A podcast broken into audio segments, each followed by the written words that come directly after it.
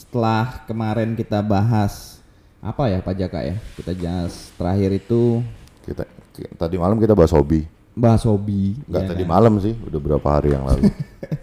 Kali ini eh, kita bahas sesuatu yang random lagi.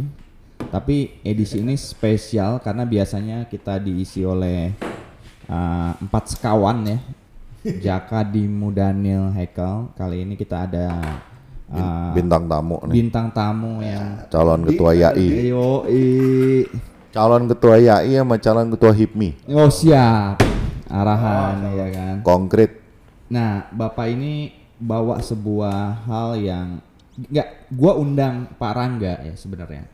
Itu dalam konteks karena gini ceritanya Pak Jaka. Oke. Baru tadi pagi atau kemarin pagi lah, gue tuh ngelihat sebuah posting properti di Instagram yang menarik banget desainnya. Eh dia ya maksudnya lu tahu kan di Instagram properti lucu banyak, tapi poinnya bukan masalah desainnya yang keren dan sebagainya, tapi Oh, enggak kayak yang apa? Mate-mate itu bukan ya? enggak. Oke. Yang menarik di sini malah dia punya konsep bagaimana dalam satu tanah eh, yang sama Oke. itu dibangun rumah, satu rumah tapi kayak dua. Gimana ngejelasinnya ya? Jadi kayak ada dua rumah di dalam Ya. Satu eh, dua bangunan di dalam satu rumah. Oke. Terus dia marketinginnya gini, men. Iya. Karena eh, kita keluarga besar, Heeh. pengen punya privasi Heeh. tapi tetap dekat. Asik. Anjir gitu. Gua nggak tahu kenapa Itu relate hit banget sama hard, lu ya. Ya. Ya enggak, tapi itu relate banget ya sama lu akhirnya ya. Yo, sebagai orang yang tinggal di Pondok Mertua Indah, Siap. Mantap. iya kan? Dan kita kan punya banyak tem- temen yang juga masih mondok di Mertua Indah atau di Banyak, Nyokap Indah, di banyak, Bokap ba- Indah banyak, gitu. banyak. kan. Banyak. Nah, Rangga ini sebenarnya seorang arsitek juga. Lalu Ar- juga Arsitek muda berbahaya. mudah berbahaya gitu. Dan Jaka kita tahu dia uh, kontraktor sipil gitu ya yang bisa. Nah, gue pengen ngomong sih gini, emang em, dibutuhin yang kayak gitu ya, Rang? Maksudnya satu rumah dua bangunan gitu. Itu gimana sih, Rang? Eh, kenapa itu menjadi eh, value marketing dan buat gua sendiri orang-orang yang lagi mondok di mertua itu apa ya connect sama gua gitu loh. Iya, iya. Iya iya iya. Gimana Rang kalau dari lu? Eh, Oke, mantep nih Bang Kelly. Isunya sensitif. Jujur pribadi juga kena nih Bang. ya kalau dari segi tadi apa eh, kan kalau bicara arsitek gitu ya atau developer kan pasti mikirnya juga bisnisnya ada gitu ya. Iya. Ya mungkin dari segi marketnya pun generasi sekarang tuh banyak yang ngalamin hal itu gitu ya.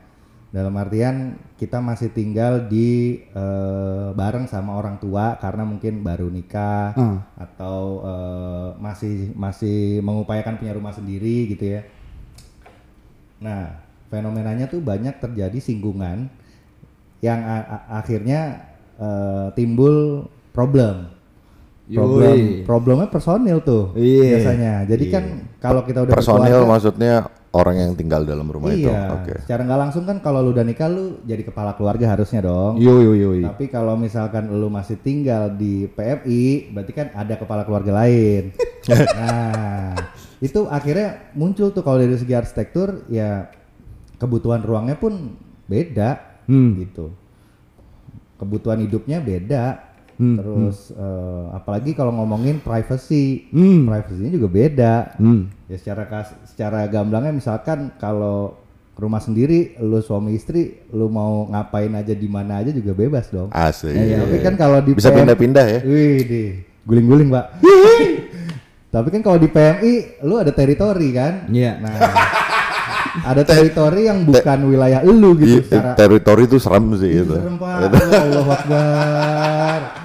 Subhanallah Pak itu seremnya Pak buset. Ya itu se- sesimpel itu gitu misalkan tuh kalau bicara hal dasar lah belum lagi kalau misalkan nanti misalkan tumbuh kembang anak Iya, iya, iya. dan lain-lain. Wah lucu Pak itu Eh, Pak. oke, mungkin gini ya, buat yang dengerin, ini bukan persoalan eh, Enggak, enggak, enggak. sinetron yang di mana, Ah. ya ngerti kan maksud Ngerti, gue, ngerti, ngerti. baik buruk. Tapi kadang-kadang namanya manusia pak suami istri aja beda Betul, betul. ya kan apalagi dengan extended family yang lain kita kan cara hidup beda lifestyle Ah. Betul, beda betul, dan betul. sering kali itu bikin kayak ada friksi-friksi kecil ya kan Iya, iya, iya. dan lu semakin lu intens dengan satu eh, grup yang besar atau eh, keluarga besar lu pasti semakin ingin punya privasi pengen ngejalanin hidup sesuai dengan gaya lu gitu nggak sih Iya. Kalau kalau gua ngeliatnya gini ya, Hmm. eh, budaya juga mungkin ya.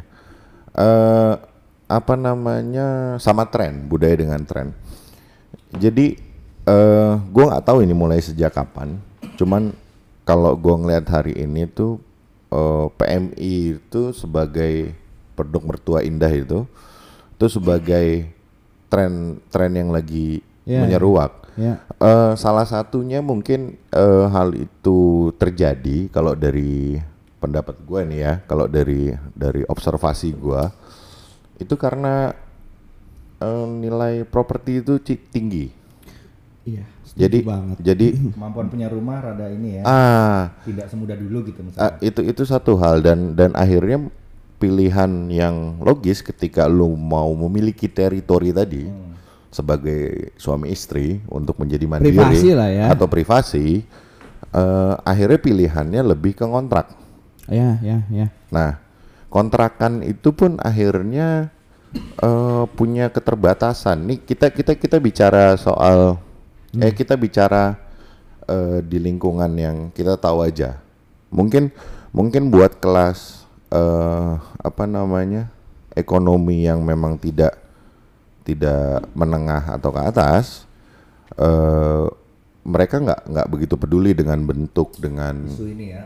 isu isu jarak isu atau apa, apa pun itu cuman kalau udah udah udah ngarahnya ke middle class yang kayaknya sangat hype dengan dengan medsos atau apa pun itu akhirnya memiliki ke apa namanya mengontrak itu jadi salah satu isu lain Hmm. di mana di mana daerahnya terus dekat nggak sama tempat kerja tempat kerja dan pertimbangan dekat nggak dengan mertua itu juga jadi salah satu oh iya tentu poin hari ini maksud gua. Nah, dibanding gua ngontrak ah mending gua nabung dulu buat beli rumah. Iya, Itu akhirnya pilihan lain yang jadi opsi. opsi opsi lain gitu. Tadi kalau dibanding gua ngontrak, mending gua udah tinggal sama mertua dulu Dulu, iya. sambil nabung buat beli properti. Iya, buat beli rumah, rumah sendiri. Dan karena memang eh tadi gue bilang tadi ya budaya-budaya eh, populer di medsos segala macam, akhirnya pertimbangan untuk beli properti juga nggak tahu. Yang gue pernah bilang sama lu juga, Kel. ya Logika orang hari ini unik sebenarnya. Misal dia punya duit 300 juta, dia nyari rumah yang se-M. Gitu ngerti nggak sih? Karena ada opsi untuk KPR. yes Jadi ketika lu punya duit dengan jumlah tertentu, lu akan nyari nilai properti yang jauh di atas itu. Iya. Eh, nggak eh, nggak logiknya dia nggak. Gue punya duit segini, gue nyari yang deket-deket itu aja deh. Hmm. Kadang Yang tuh gope misalnya Nah, gitu. yang gopek gitu. Gue punya 300. Ya oke, opsi KPR itu bisa ditempuh. Cuman kadang orang punya duit 300 nyari se-M gitu. Yang tiga kali lipat lebih dari jumlah di, duit yang dia punya. Yang akhirnya itu ikut mendorong eh apa ya? De pengembang untuk jual lebih mahal. Yes yes Karena ketika dia banyak pengembang yang tes-tes aja gitu, ngerti nggak sih lo?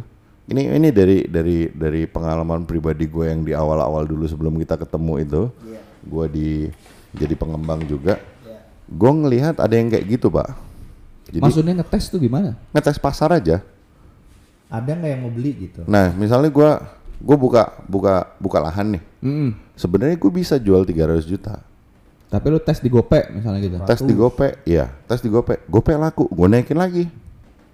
Gue naikin lagi, gue naikin lagi sampai akhirnya harga itu nyampe di level bubble, udah nyampe di level tertinggi. hmm. Dan orang masih ada yang beli gitu. Hmm, hmm, hmm. Karena ada logika tadi gitu loh. Hmm. nah ini menarik ya Hmm. soal tadi opsi baik ngontrak maupun opsi memiliki rumah dengan Hmm. KPR, ya, KPR apa pun gitu. itu, ya. Nah, kan tadi lu bilang orang budget 300 juta, Mm-mm. expect rumah 1 m, Ya. ya kan? Hmm. Nah, ini balik sebenarnya ke tadi yang Hmm. obrolan pertama kita soal privasi. Nah, Nah, kenapa uh, ekspektasi itu di 1 M? Maksud gue apakah orang mencari ruang tertentu, mencari desain tertentu atau apa sih ekspektasi orang ketika dia itu loh? Ah, parah Ya, mungkin ekspektasinya yang menjawab masalahnya dia ya. Kita nggak tahu ya masalahnya apa kan Ka- kan ya. kadang akhirnya bukan masalah utama parah nggak izin gue potong mungkin bukan masalah utama yang akhirnya sering diselesaikan lebih dahulu Hmm. tapi masalah eksistensial paham nggak lo Maksudnya gimana tuh? Coba biar biar sama-sama ngerti nih teman-teman yang dengar eksistensial itu gimana? Eksistensi terhadap apa pak? jadi gini dia dia beli rumah dengan harga 1 m misalnya di satu lokasi ah gue sebut merek aja lah ya misalnya di Bintaro Hmm. Padahal dengan dana yang lebih kecil dari itu, misalnya 700 800, lu bisa dapetin itu di daerah Bojong atau mana gitu. Pamulang lah misalnya. Atau malah lebih besar gitu. Kadang. Ini misalnya tanah 90 eh tanah sembil- tanah 90 ya ada ya di sana ya. Tanah 90 Terus gitu. bangunan 120. Iya. Iya kan? Apa lebih? Dua lantai. Ya, dua lantai 120 lah ya bangunan ya. Iya. 60 60 gitu ya. Iya. Bangunan 120, tanah 90 di Bintaro misalnya di tempat yang Gardot ini 1,5 M, 1,6 Iya. M gitu misalnya. Iya. Dengan duit yang 1 M misalnya, Hmm. lu bisa dapat di daerah tempat gua gitu misalnya Nusa Indah yang jaraknya nggak jauh dari situ, tapi ini rumah second gitu misalnya. Iya. Walaupun ini rumah mungkin bisa langsung ditinggali. Maksud lu gini, prestise gitu. Prestis. Jadi eksistensial tuh maksudnya apa ya? Lebih Iya. ke prestis. Gue tinggal di Bintaro bos. Oh, Oke.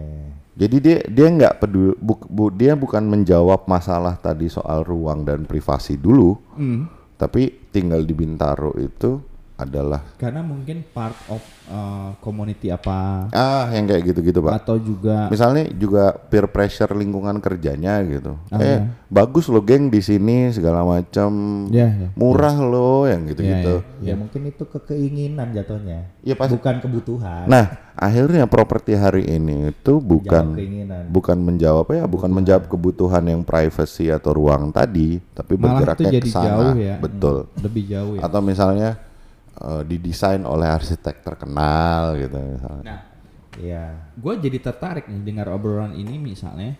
Eh, apa kemudian kan kalau tadi gue menangkap kesan Jaka melihat banyak orang tuh memilih properti tuh nggak rasional sebenarnya. Dia memilih tuh karena tadi misalnya salah satunya prestise yang kayak gitu kan. Iya. oke. So em, kalau kita mau ngomong tapi kalau kita tarik hari ini mungkin itu yang rasional pak ya enggak lah rasional tetap Enggak. ra- Rasional dalam arti kebutuhan. no no no maksud gue gini or- orang hari ini menganggap mungkin ketika gue beli rumah di Bintaro maka harga rumah gue akan naik lebih nah cepat itu maksud dibanding gue tempat lain jadi kayak maksud gue Itu gue butuh kayak investasi. gue nggak ada di dunia properti Iya. gue adalah orang yang juga pengen punya rumah karena kita masih di Iya. Pondok Mertua Indah Iya. jadi hmm, kalau dari perspektif gue gue jadi pengen nanya gini sebenarnya Em, lalu apa sih tolak ukurnya yang paling masuk akal. Maksud gue dalam konteks ketika lo memilih properti properti gitu ya. Ya standar luas tanah mah kita semua tahu lah. Tapi maksudnya apakah community di situ penting apa enggak gitu. Hmm. terus kan kalau orang sekarang cluster oriented nih. Misalnya kayak Iya, pengennya satu pintu ya Iya, kan? iya, iya. terus deket rumah sakit deket sekolah Sekolah, dan sebagainya. Jalan atau apa tol. sih sebenarnya yang rasional gitu loh maksud gue? Kalau lu gimana Ram? Ya benar itu semua jadi nilai jual sebenarnya yang makanya tadi ada value atau harga yang ditetapin sama developer nggak masuk akal bisa dibilang karena ada faktor lain. Kalau menurut gua di, di luar dari eh, luas lahan dan bangunan aja gitu. maksud gue di mana batasnya ketika lu itu memilih karena prestis sama memilih karena yang tadi ada Nah, faktor-faktor kalau yang menurut gue ya, Iya. karena bicara eh, rumah tinggal itu itu bicara apalagi ini ngomong rumah pertama ya. Iya cuy. iya rumah pertama. mungkin banyak faktor lah ya dan banyak perspektif sebenarnya dari Hmm. background orang-orang yang berbeda-beda juga. Cuma kalau menurut gua eh rumah tuh ibaratnya apa ya? Rumah tuh ibaratnya apa yang ngelekat di diri lu lah gitu. Asli. Iya sumpah. Harus ngelekat banget sih dan mungkin saat lu milih rumah dan itu ngejawab harus ngejawab kebutuhan baik itu physically atau Fisik tuh eh, ruang ya, ruang misalkan. Atau mungkin eh, willingness lu juga. Hmm. atau mungkin psikologis lu juga. Hmm. semua hal sih kalau menurut gua. Iya, iya, iya. jadinya mungkin memang rada nggak masuk akal. Soalnya ada juga kadang gue tanya orang yang lu ngapa milih rumah di situ? Ya gue pengen aja. Nah itu udah susah tuh pak. Saat dia jawab dia Kayak dia kalau pengen ya. ka- kalau itu Bang Jago berarti Iya, mungkin. dia, dia pengen. Terus jalannya ada Ah, kebetulan duitnya ya ada. berarti kan iya jalannya ada duitnya ada walaupun gue atau misalkan KPR atau cash ya misalkan gue nggak ngerti cuman maksud gue eh ya di saat jalannya ada opsinya ada Hmm. gitu Hmm, hmm. ya mungkin dia memilih nempuh eh, eh, eh, berjuang panjang misalkan daripada yang Nanggung. udah selesai sekarang cuman dapatnya sekian ah, segitu gitu ya dia mungkin mikirnya begitu juga kali ya Hmm. Jadi susah juga tuh kalau ngomongin parameter karena itu udah apa ya maksud saya? Kalau ngomongin bisnisnya ya mungkin bisa dihitung bisa diukur gitu ya. Tapi kalau ngomongin cara pandang elu pengen guide sesuatu gitu ya wah itu susah tuh. Ada faktor kebutuhan keinginan. Yang tadinya mungkin kalau di dari segi logik itu harusnya dipisahin. Tapi kalau ini nyatu pak. Iya, iya. keinginan sama kebutuhannya nyatu. Jak, kalau lu gimana Jak? Memisahkan yang Ka- kalau prestis dengan yang ini. kalau gue lebih gini menawarkan pandangan.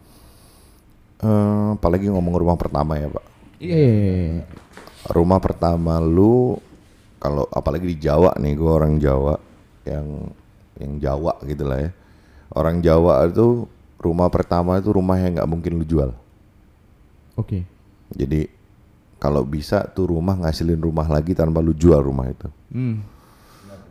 Nah, poin gua sebenarnya gua gua gua selalu sama sama Rangga nih walaupun kita satu kantor, gua kadang suka eh, beda pendapat. Hmm, hmm, hmm. Gua selalu berpendapat ketika lu bisa dapat ukuran tanah yang besar. Jangan cari tanah yang kecil. Oke. Jadi poinnya gini, Pak. Eh, rumah pertama lu ini adalah rumah yang eh, bakal lu ngegedein anak lu. Yes. bakal udah lu tinggal insya Allah selamanya di situ. Dalam arti eh, ini rumah yang bakal jadi semangat lu untuk mudah-mudahan insya Allah beli rumah yang selanjutnya. Iya, iya. Nah kalau gue berpandangan bahwa rumah pertama itu eh, jauhi dulu dari dari sisi investasi dalam dalam arti investasi jangka pendek Hmm.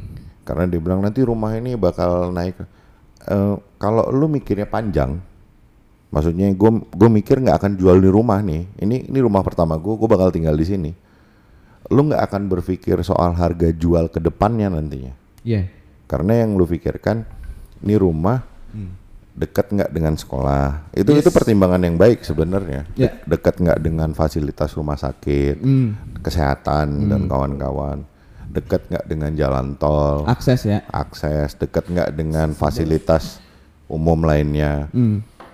Cuman prestis eh, itu bukan pertimbangan yang harus lu kedepankan buat rumah pertama buat gue ya. Hmm. Lu misalnya beli eh, daerah yang nggak terkenal ataupun di mana gitu, Ya agak pinggir lah. agak pinggir, tapi lu dapet tanah luas. Hmm. Tanah luas ini kenapa menjadi penting?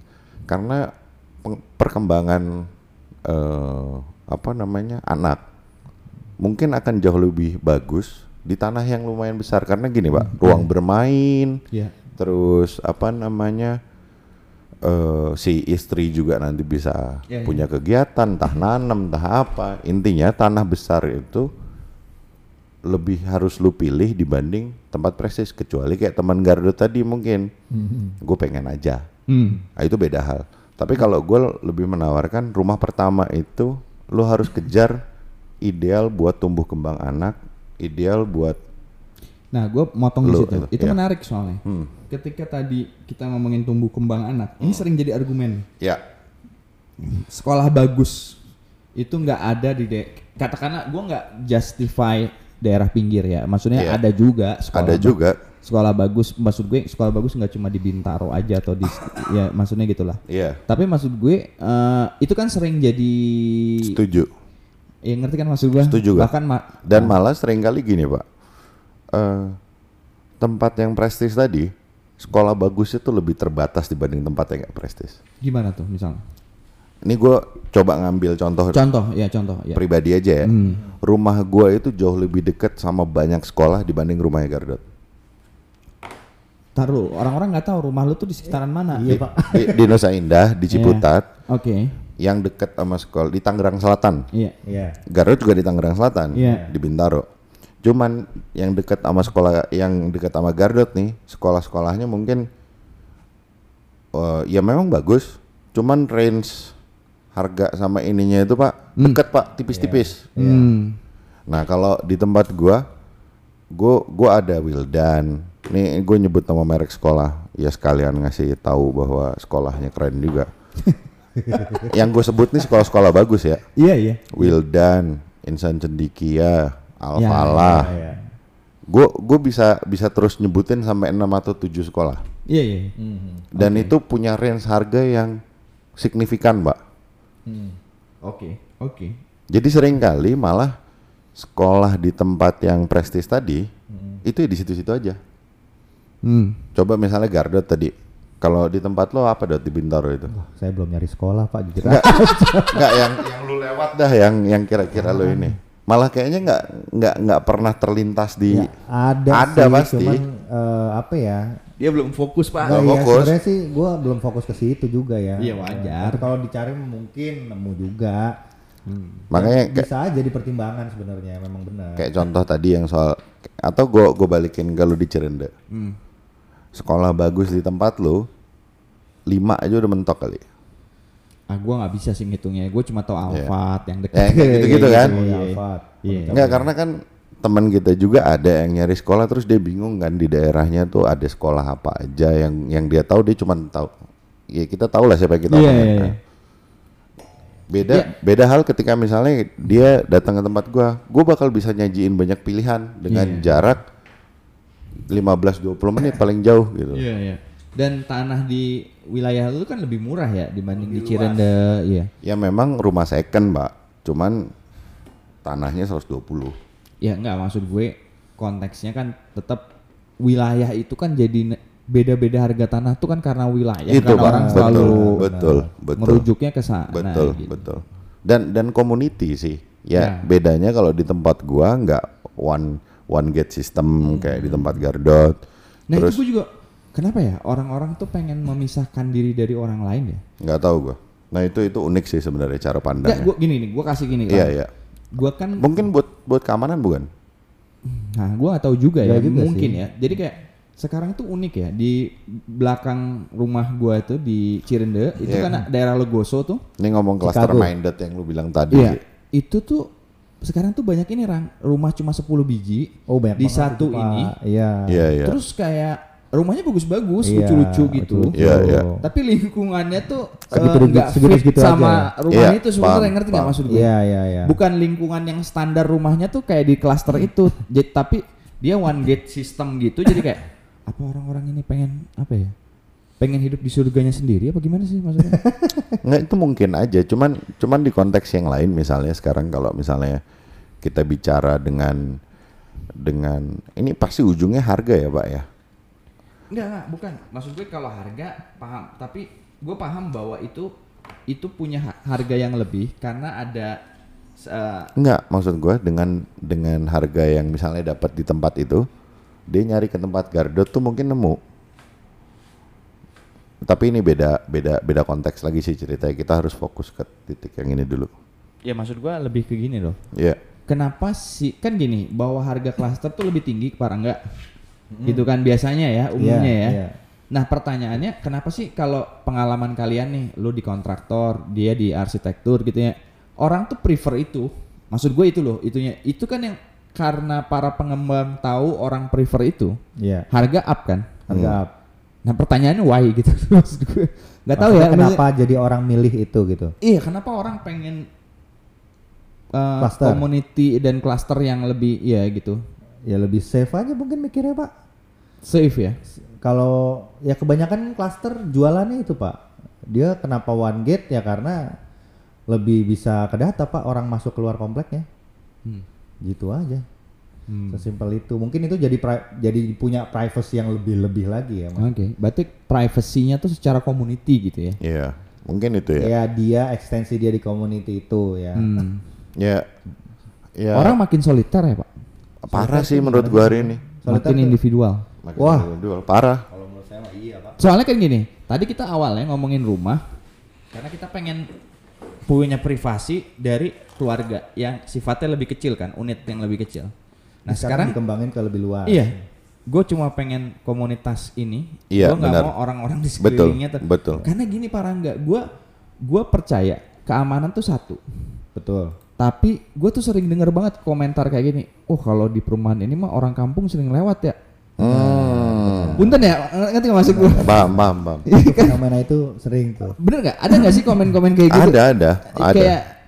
Jadi kayak pengen ya udah gue cuma sama sejenis gitu kan. Iya. iya. Iya sih? Jadi mereka punya kasta sebenarnya ya. Agak-agak gitu nggak sih? Maksud gue kayak ya nah, kalau di sini mah anak gue ntar main sama orang kampung. Mungkin ada pikiran gitu juga.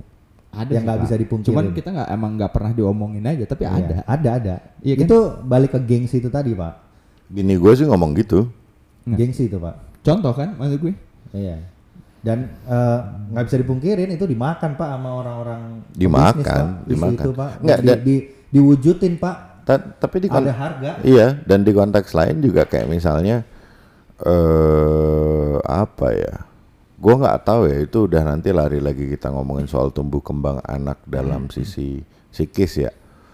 Cu- cuman poin yang pengen gua iniin soliter tadi bahwa orang sekarang itu udah suka di di kotak-kotak mereka sendiri. Nah kalau gua eh, jujur emang orangnya nggak suka bersosialisasi gila-gilaan gitu. Jadi gua, gua malah kotaknya jauh lebih kecil lagi kalau bisa ya rumah gua aja gitu.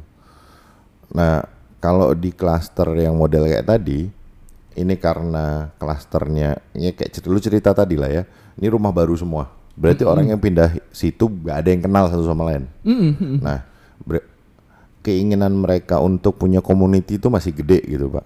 Ada. Walaupun ya kasta, kita kita lagi lagi lagi bicara kasta ya.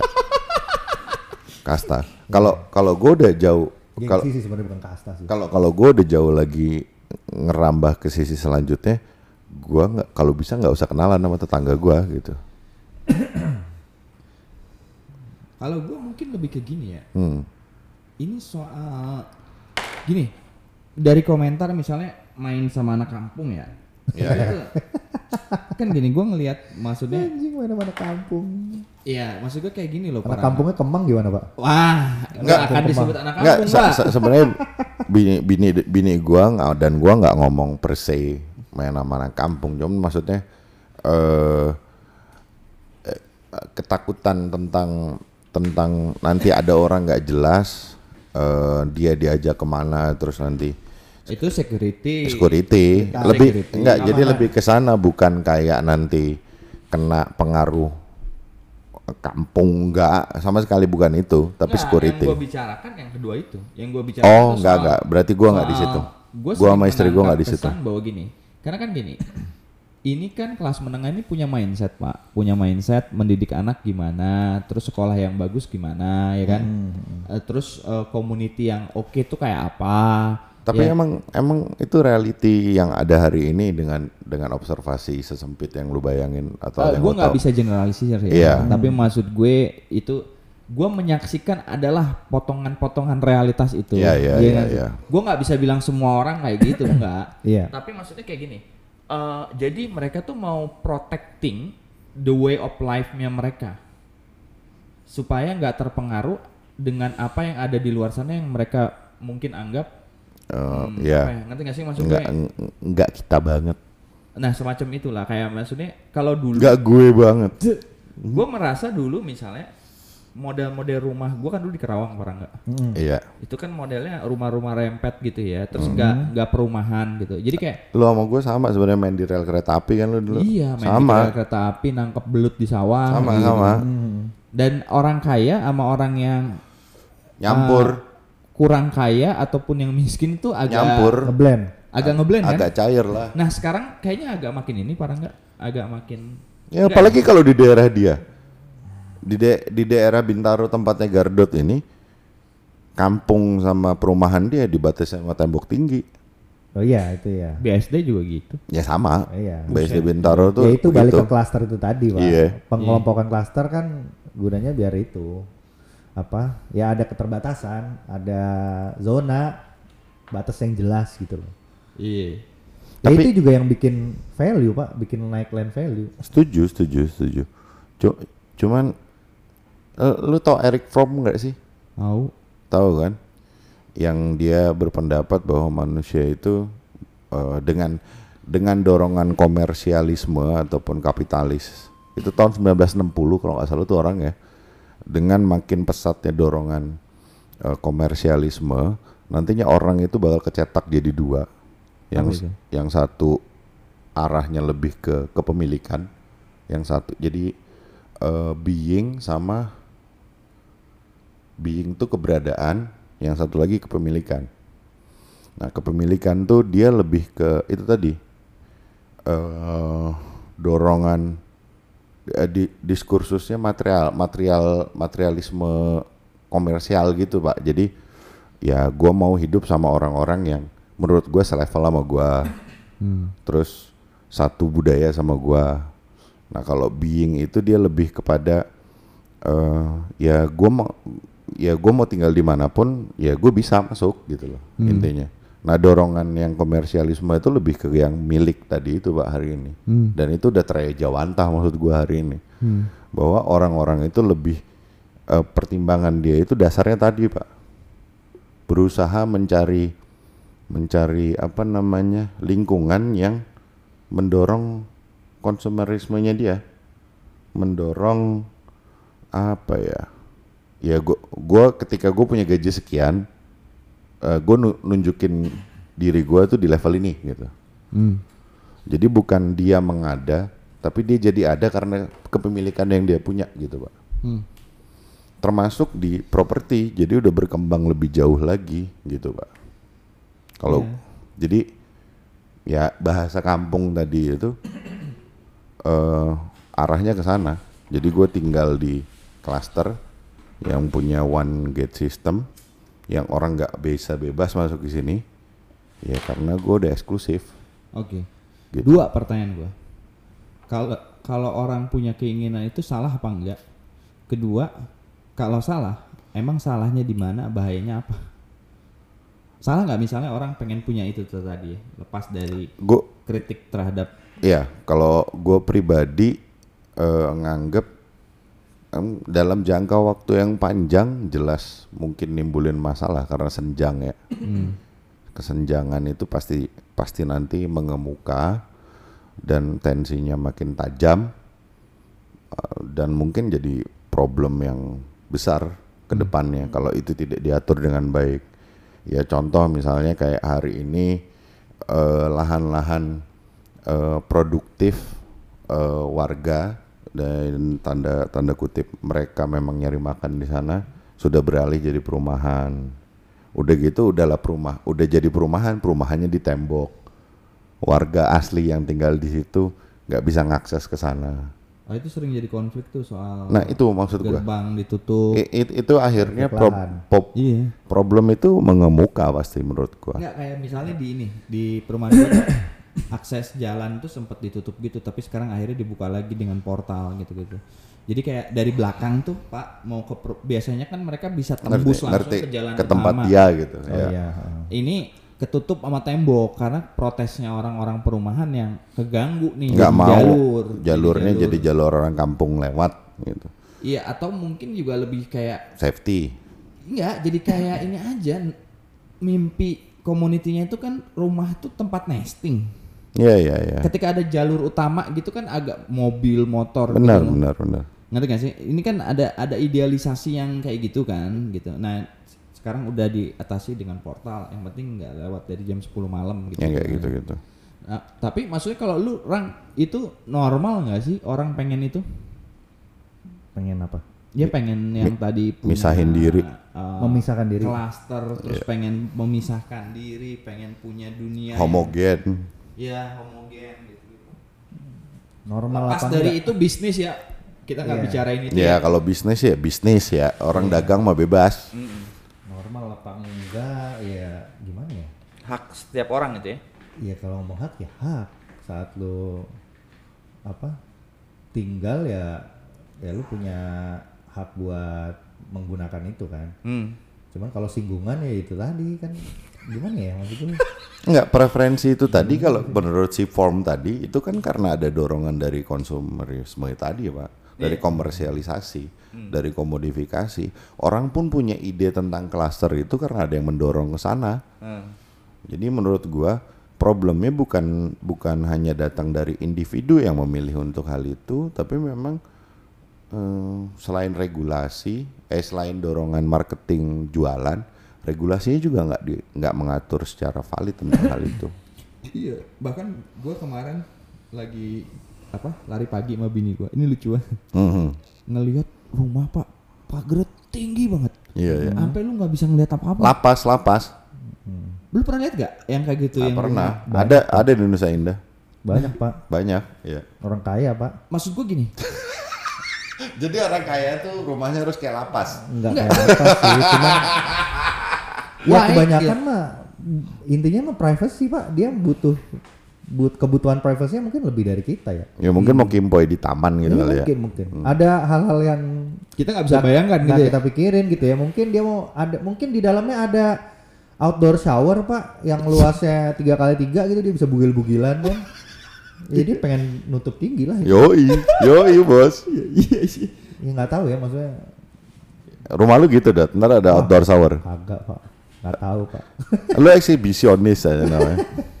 Tapi menarik ya. Ya kalau gue sih baik lagi pak ke topik tadi. Ruang tadi, yang ruang, pertama, ya kan. Kalau gue ngelihatnya kebutuhan privacy itu penting, kebutuhan teritori itu penting. Ya, Itu memang ada nimbulin gesekan sama orang luar pasti nggak bisa kita iniin lah ya. Cuman seenggaknya ya mana yang lo mau amanin dulu gitu kan. Terus kalau bicara land value juga, wah itu pertimbangannya banyak banget mungkin pak ya ya. eh gue pernah gini pernah nyari rumah juga. Ke, sampai ke, ke Gunung Sindur gue pernah. Sampai ke Cisauk pak gue pernah. Dan jujur sih kebanyakan gue kecewa. Karena apa? Nyet, lu ke, da- gini ke, da- ke daerah yang gue suruh belum pernah anjing. Iya daerah situ mau gue lewatin pak tahu gitu Iya. maksudnya. Cuman sampai eh, maksudnya hunting lah kayak yang jauhan gitu ya. Hmm. misalkan gitu ke Cisauk gitu ada klaster baru rumahnya. Apa yang bikin lu kecewa? enak. Ya baik lagi pak. Harga sama eh Fasilitas yang dikasih. fasilitas akses terus apa ya nyaman nggak Lu pasti ngebayangin tai lah anjing harga segini gue. iya pak. Iya iya. ini di Cisauk pak. Deket sih sama ter stasiun terminal. Oke deket. Stasiun sama terminalnya deket. Sama tol sama tol ya masuknya tol BSD juga Iya. ya BSD juga BSD pojok gitu ya. BSD pojok harganya di situ udah delapan setengah sembilan ratus tapi emang rumah baru pak Iya. gua nggak ngulik rumah second dulu ya karena ya kali gua udah ja- udah ngambil jauh terus Second bengak. second Eh bengak gue namanya. keluar tuh. duit lagi buat renovasi kan lucu juga ya. Iya. gue coba ngalahin jauhnya tes ke situ harganya 850, 820 bahkan ada yang 1 m. Luas tanahnya itu eh bangunannya bagus, bangunannya bagus. Sama dia dibikin keren lah pokoknya. Sama kayak rumah-rumah kayak mohon maaf if habitat misalkan. Oh, iya, itu kan iya. sama ya daerahnya pelosok tapi dibangunnya bagus. Harganya nggak make sense gitu, tapi laku. Itu juga gue bingung. Tapi kalau gua sih ya gua nggak mau gitu. Terus kenapa akhirnya ngerucutnya gua ke wilayah kayak Graha Bintaro itu ternyata di Graha Bintaro juga masih ada rumah-rumah harga 800, 700. Iya iya iya. Cuman eh aksesnya enak, fasilitasnya enak. Lu mau ngapain ya? Berkata lu ngebiarin anak lu lari- lari-lari di luar juga Aman. enak gitu ya. Iya. Ya itu, maksudnya kecewanya di situ kok nggak ada yang sekompar se kom- komparasinya nggak nggak apple to apple gitu. Ternyata emang ada miss di A, miss di B gitu sih. Jadi balik lagi nanti kecocokan ke masing-masing individu. Lingkungan dan segala macam sih. Iya gitu. Setuju, setuju. Nah kalau ngomongin tadi balik lagi ke topik utama gitu misalkan ngomongin eh, rumah konteks tinggal bareng sama eh, orang Mertoku, tua gitu ya. mertoku Nah, sama orang tua. Ini serunya di sini adalah kalau menurut gua yaitu tadi ada dua privacy yang masuk ke dalam satu eh, teritori gitu kan.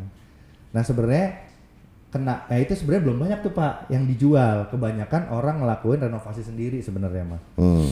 karena mungkin nggak nangkep itu J- jadi yang market. diomongin Kelly ini yang dari awal developernya itu ngedesain seperti itu masih jarang ya. Masih jarang pak. Kalaupun ada itu berani banget, Hmm. berani banget sebenarnya. Tapi kebutuhannya ada kan? Kita ngomongin Pak. Ada, kebutuhannya Bahkan malah gua gila ya. Generasi generasi milenial tuh banyak yang begitu. Karena generasi milenial tuh pasti nyari rumah itu yang eh waduh maaf. Generasi milenial nyari rumah tuh yang nggak se sama kayak ya nggak bisa langsung lah. Dia pasti bertahap tuh nyari yang kecil dulu. Lo angkat dulu ya. Terus Nanti diomelin lo. nyari yang kecil dulu terus apa eh, baru nambah gede, nambah gede begitulah. Eh, nggak jadi nggak jadi ya. Udah, Pak. Lo foto aja lagi lagi podcast. Ini kayaknya yang di rumah langsung ngetek nih. Ngetek pak. Soalnya ngomongin rumah pak. It- Ngomongin itu rumah, Pak. itu kalau udah jodoh gitu pak. Iya iya iya iya iya.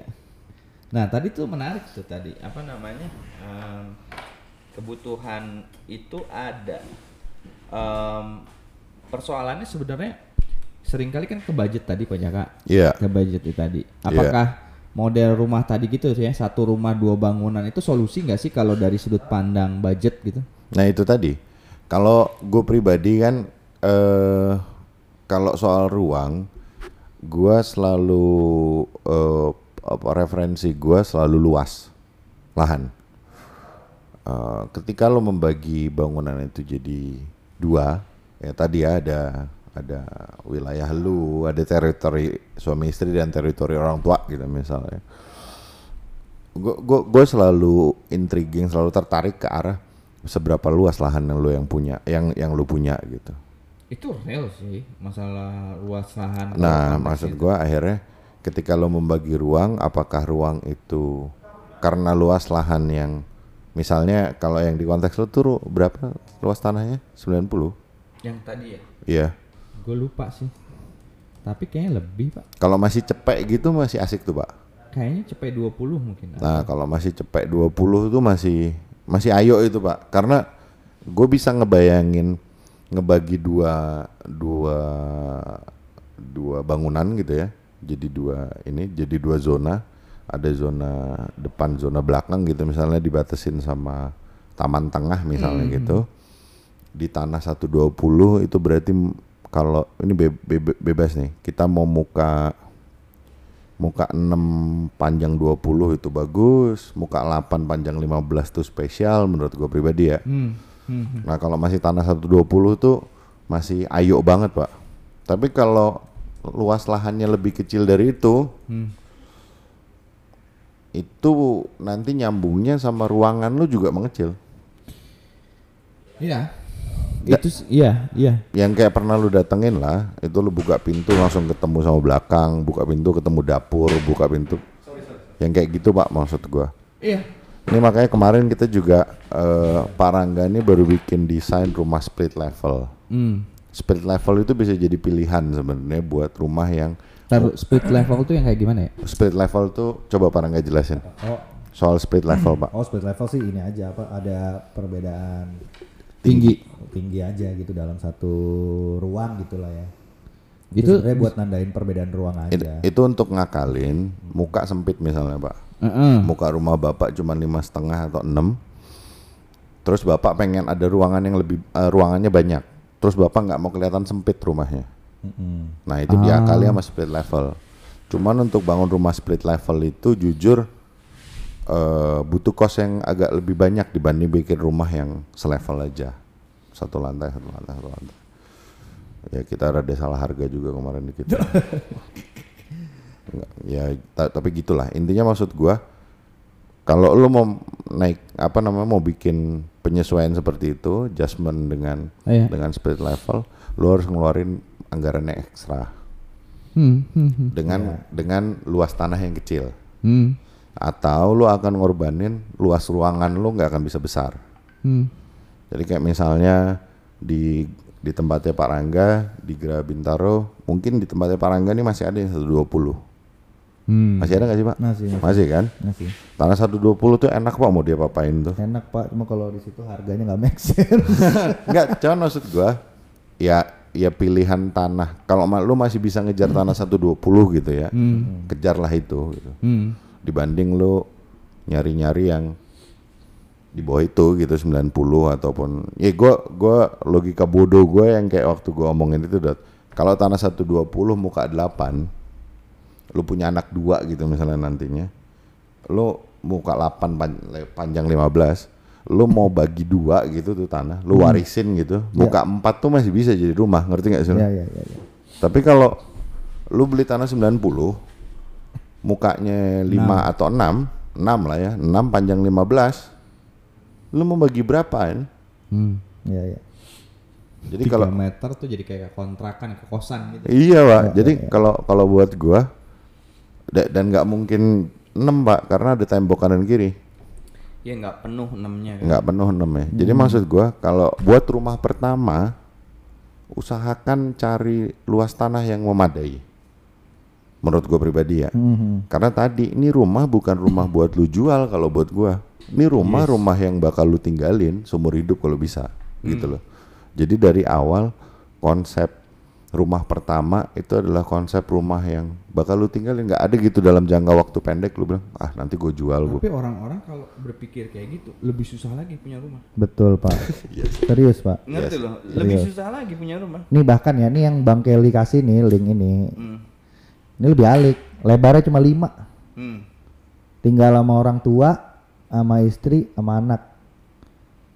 Tapi dia ngebelah lagi jadi dua bangunan. Lo kebayang gak tuh? Iya. Jadi makan kalau menurut gue sih ngelihatnya itu tadi ya. Sebenarnya permasalahannya itu teritori, Pak. Kalau luasan itu bisa disiasatin sih kalau Iya. menurut gua sebenarnya ya. Eh, dengan adanya desain atau apa itu bisa disiasatin karena kalau luasan itu itu bicaranya kita psikologis ruang, Pak Iya. Ya. psikologis ruang. Lu eh, tinggal di luar di ruangan tiga kali tiga yang tertutup sama contoh misalkan dengan ruang eh contoh ruangan tiga kali tiga tapi lu open dengan ruangan lima kali lima tapi tertutup. Lebih nah, enak itu psikologisnya lebih enak menurut gua tiga kali tiga yang open. Nah, menurut gue gini, ini kan ada beberapa hal yang belum kita address nih isunya nih. Eh, buat para pendengar setia kita, mung- mungkin mungkin kita bisa. Udah banyak aja yang dengar. Wah, udah ada 2.700 sekian pendengar. Ini kita udah kebanjiran surat dari fans pak. Iya, udah repot lah pokoknya. Di dalam kepala kita masing-masing tapi ya. Nah maksud gua eh ini kita cut dulu. Kita nanti masuk ke apa namanya episode 2 Mm-mm. Kita mungkin nanti akan lebih nyasar desain, nyasar gimana sih enaknya tuh ditempatin di lantai satu apa lantai dua atau gimana yang kayak gitu-gitu ya. Iya, iya. Ya mungkin Pak Kelly bisa di ditutup dulu. Oh siap. Eh, kita sudahi dulu diskusi soal apa namanya rumah idaman ini untuk Rumah episode pertama. Eh, tapi bukan berarti akhir ya ka- karena kita masih akan goyang lagi nanti. Goyang Kalau terus. tadi kita sepakat bahwa privasi itu penting, Ya. Iya. ya kan? Itu Betul. kayaknya kita semua sepakat ya, privasi itu Sepakat. penting. Persoalannya tinggal eh, kalaupun tadi kita bicara soal model klaster, pagar tinggi itu pri- ya apa masing-masing orang punya pilihan Iya. yang ininya ya. Luas tanah. Ah, wow. Iya. luas tanah dan sebagainya. Nah, kalau sekarang Konteks kita ngomongin gimana memanfaatkan ruang Ah, yang semakin gila. terbatas Ngeroy dan banget semakin mahal itu. Oke. Jadi sesuatu yang bisa kita eh, Siasati lah ya Pak. nyaman tinggali ya. Oke. Dan bukan cuma soal lu dua keluarga karena ada mertua atau apa. Satu hal yang nggak kita bahas pak. Hmm. Dua tahun terakhir ini kita kerja di rumah. Itu. Itu, Wah, itu keren. i- itu Iya di- nggak sih? Baru. Itu- Jadi rumah iya, punya iya, iya. punya satu Working fungsi lain Nah. Yang dulu mungkin nggak kita ada. bayangin Iya, iya. gitu ya. Kita akan masuk ke sana di episode kedua. Siap. Wih, thank you. Thank you. Bye bye.